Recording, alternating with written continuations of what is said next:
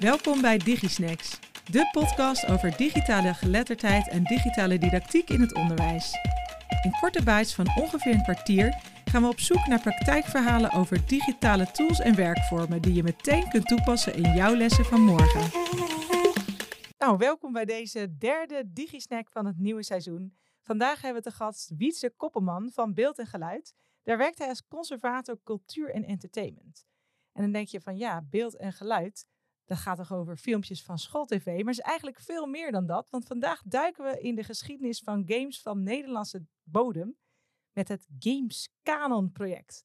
Welkom Wietse. Ja, dankjewel. Leuk om hier te zijn. Ja, leuk om je te gast te hebben. Leuk om iemand uit een weer een hele andere hoek te krijgen. We hebben veel natuurlijk leraren aan tafel, lerarenopleiders.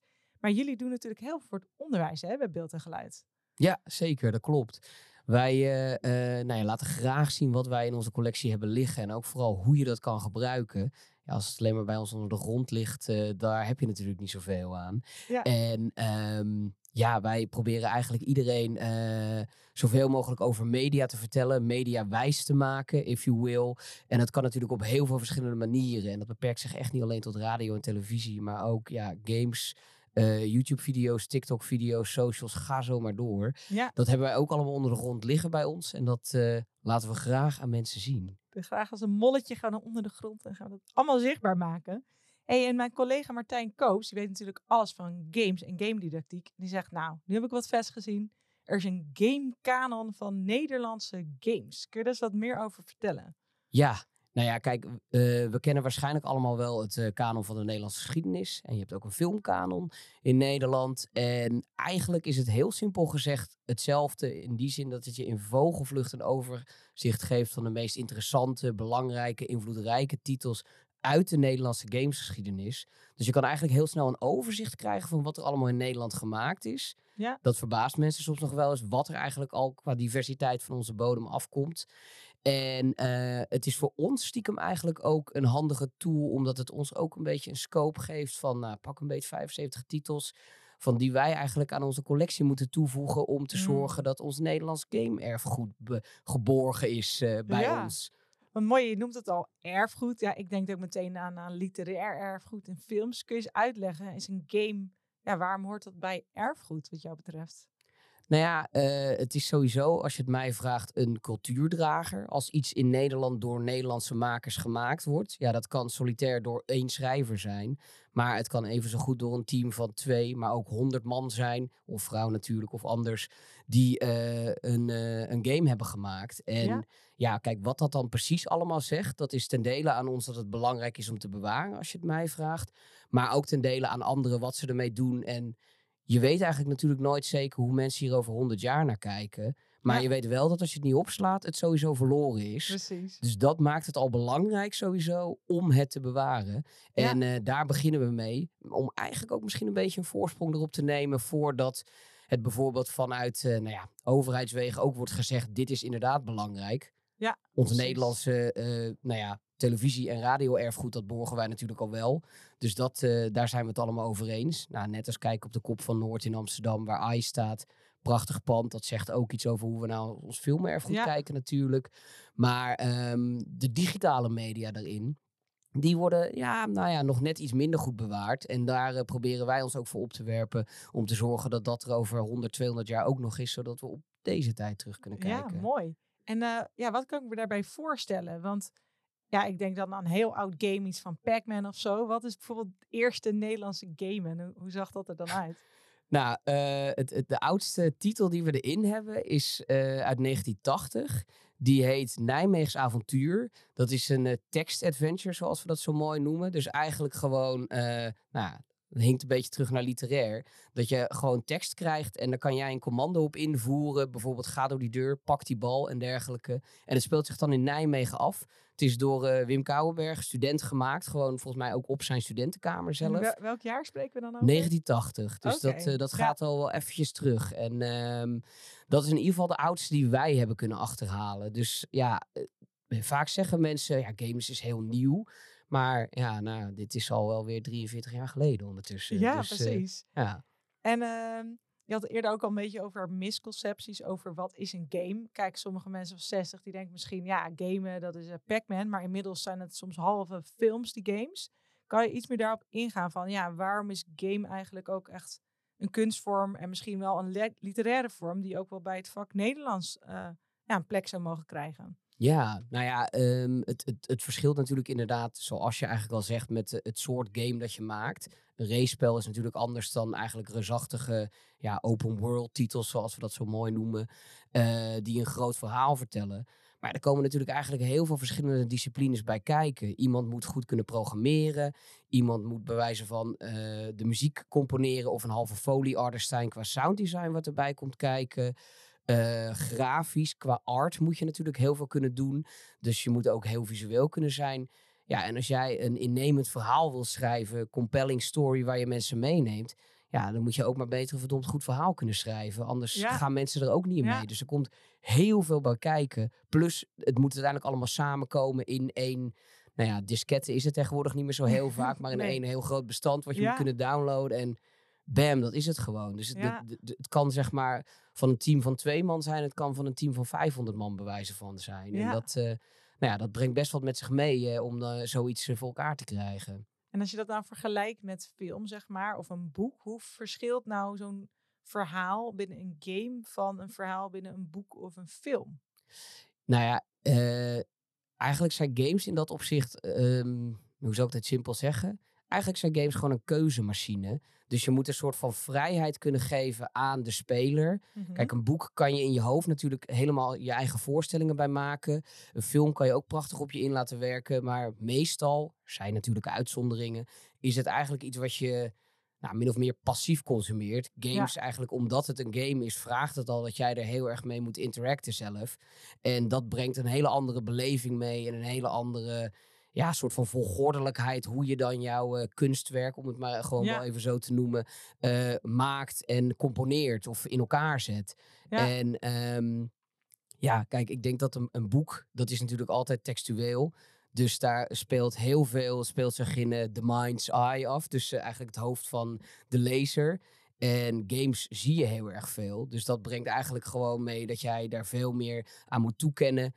En ook eigenlijk die, nou ja, die band die jij, of heb ik zelf altijd met je een soort van character opbouwt in die game. Dat je dat ook op een bepaalde manier moet sturen. En ja. Dat, dat, ja, dat, daar zitten gewoon heel veel verschillende dingen per medium in.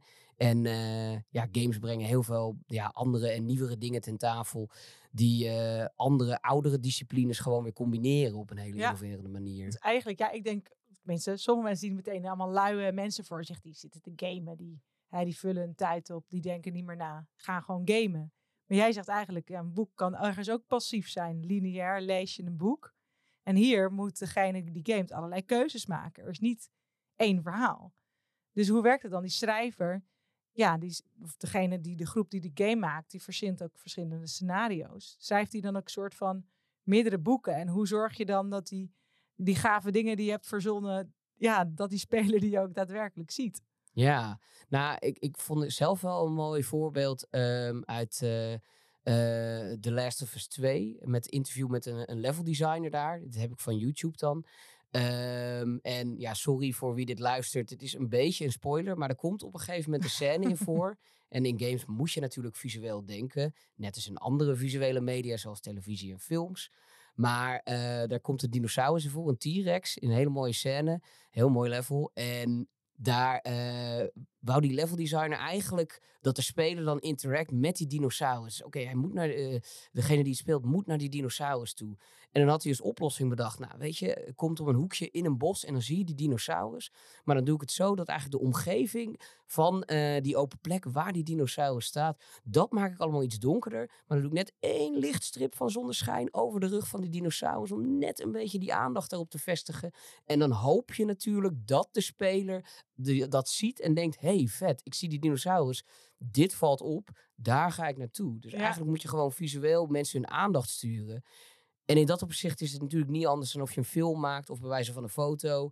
eh, dat je wil dat mensen naar iets kijken en daar wil je iets mee vertellen. En nou, die elementen, zo, nou ja, dat bestaat natuurlijk al honderden jaren, zeg maar, dat we dat visueel doen. Dat zit ook heel erg in videogames. Ja. Dus het is niet zo heel anders dan wat we al hebben natuurlijk. Maar Mhm. er komt alleen met die interactie weer iets bij. Misschien wel een extra uitdaging, want je moet wel echt proberen te sturen dat eh, die speler daar naartoe gaat. En dat heb je niet zelf in de hand. Maar dat is Mhm. ook de fun van het ontwerpen natuurlijk. Ja, precies.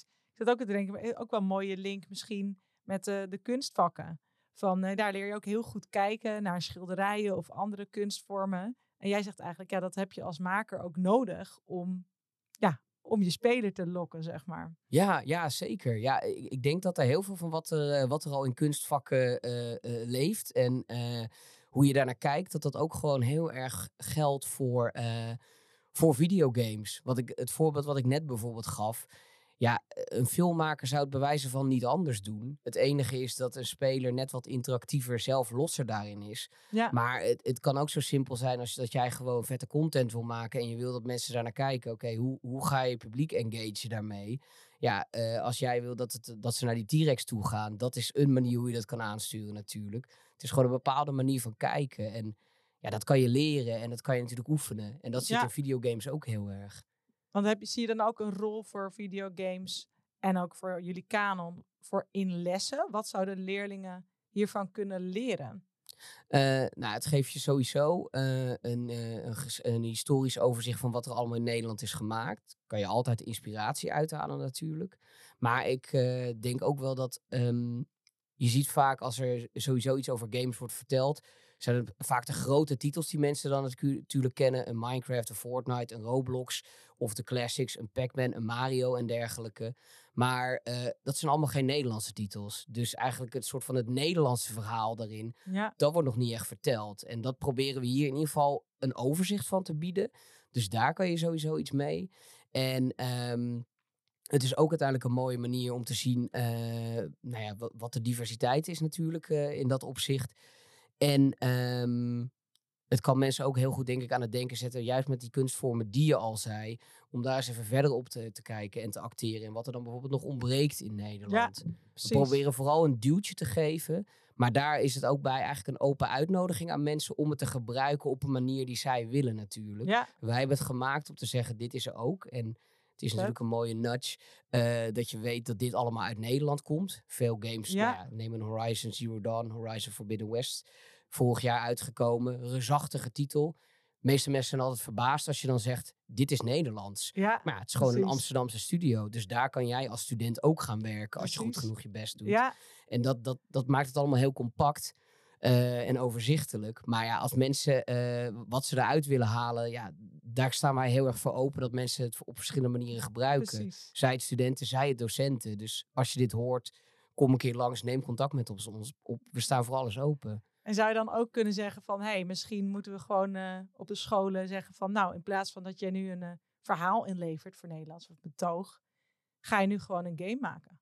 Ja, Schrijf, eh, of schrijf een scenario of werk samen met een kunstvak en maak een interdisciplinair team. En een video is, of een game is gewoon een eindopdracht. ja, ja Hoe mij vet lijkt... zou dat zijn? Ja, zeker. Ja. Met deze inspiratie Ja. uit die student die de eerste Nederlandse game maakt. ja. Ja, die heeft het ook gewoon maar gewoon zitten doen, toch? Ja, het, kan- nee. het hoeft niet heel ingewikkeld te zijn. Nee, precies. Dat is zeker weten zo. Nee, ik, eh, dit, ja, dit vind ik heel mooi dat je dit zegt. Want ik ben er helemaal voor dat, eh, dat zoiets ook eh, kan natuurlijk.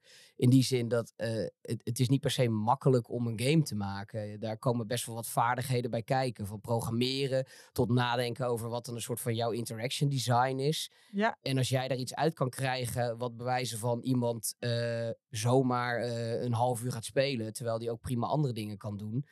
Ja, dan heb jij best iets moois afgeleverd. En dan zou Ja, ik denken, dan leuk kan je profielwerkstuk. ja, Ja, toch? dan kan jij best wel wat eh, uiteindelijk. Dus dat, dat is alleen top. maar een hele goede test van skills. Maar misschien dan meer toekomstige skills dan dat we de afgelopen eeuw hebben gezien, om het maar zo te zeggen. Hey, en als er nou iemand luistert die denkt, nou super tof, die gameskanon en beeld en geluid. Wat zou je gouden tip zijn aan die luisteraar die hier iets mee wil doen? Eh, hangt er natuurlijk vanaf wat hij, wat hij ermee wil doen. Maar als, eh, als er iemand er enthousiast over is, dan zou ik vooral zeggen: kom bij ons langs. Neem een keer een kijkje. En eh, ja, wij helpen je er graag bij. Ja. En dan kunnen we samen kijken wat, wat we kunnen doen. En hebben jullie ook nog andere die zeggen, kom langs, workshops. Hebben jullie ook al dingen digitaal, laaghangend fruit, wat leraren Ja. kunnen gebruiken? Zeker, zeker. We hebben eh, eigenlijk een heel groot aanbod voor het onderwijs. We geven verschillende workshops over eh, nou ja, diversiteit aan onderwerpen. Van eh, fake news, nepnieuws. Dus eigenlijk hoe je nou ja, wijzer met media kan zijn. Ja. Hoe je dat beter kan lezen. Ik zeg zelf allemaal, altijd maar zo, we moeten leren lezen en schrijven. Dus je moet literate zijn. Maar visual literacy is daarin eigenlijk Ja. een beetje een ondergeschoven kindje. Dat tekst kunnen lezen is één ding, maar beeld kunnen lezen en waar dat Mm. vandaan komt... Ja, daar kunnen we allemaal nog vaak wel een lesje op gebruiken als je ziet hoe vaak dat fout gaat. Ja, En eh, daar hebben wij verschillende workshops over bij beeld en geluid. En daarnaast, dat kan ik niet onbenoemd laten, we hebben ook eh, sinds februari een nieuw mediamuseum geopend. En dat staat helemaal in het teken van hoe ons leven in media eigenlijk vorm heeft gekregen en waar we dan nu staan. ja. En dat is eh, nou ja, een hele mooie en ook eigenlijk toegankelijke manier om meer over media te leren. Dus een dagje bij ons besteed. Nou ja, ik, eh, ik, goed, ik kom mezelf elke dag. Maar ja, ik krijg er helemaal zin in. Het is bijna herfstvakantie. Leuk team uitje. Nou, ja, dan al helemaal. Ja. Hey, hartstikke leuk. Dan is het denk ik nu tijd voor onze kettingvraag. De vorige gast, dat was Rob Houtgast, die eh, wil aan jou de volgende stelling voorleggen. De beste school is een school waar geen digitale didactiek wordt toegepast. Ja, wat denk jij daarvan? Ja, het zou heel mooi zijn als ik het er nu mee oneens zou zijn met dit verhaal. Maar eh, ik, ik, nou ja, dit, eh, dat lijkt mij eh, heel raar eigenlijk als je dat op die manier zou doen. Dan zou ik zelf eigenlijk vragen, oké, wat wil je iemand dan leren? Want als je dat wegstript, dan creëer je een soort van, nou ja, eigen soort van vacuümomgeving. Die als je het mij vraagt, wars staat van de realiteit. Want Ja. wat gaat als eerste iedereen doen als ze dan uiteindelijk klaar zijn met die lessen? Op hun mobiel zitten, iets digitaals doen. Maar dan krijg je er geen les in. Nee, dus dat, precies. ja, dat bereid je niet helemaal voor op eh, waar de toekomst heen gaat, denk ik. Oké, en eh, ja, wat is dan jouw eigen vraag aan onze volgende gast?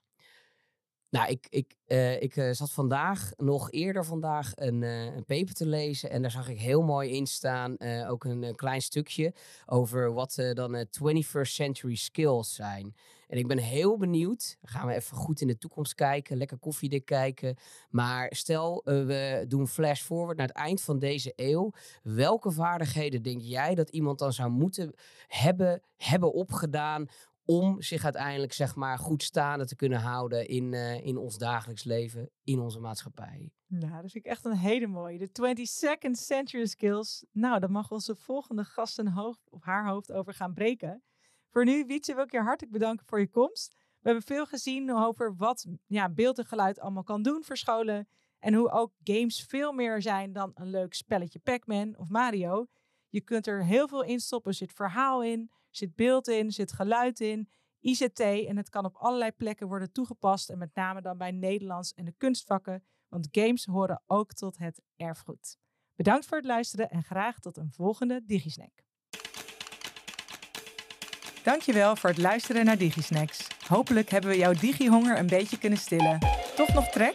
Check dan zeker onze website www.todaysteachingtools.com. Volg ons op LinkedIn en blijf op de hoogte van de nieuwste ontwikkelingen over digitale geletterdheid en digitale didactiek. Tot de volgende DigiSnack!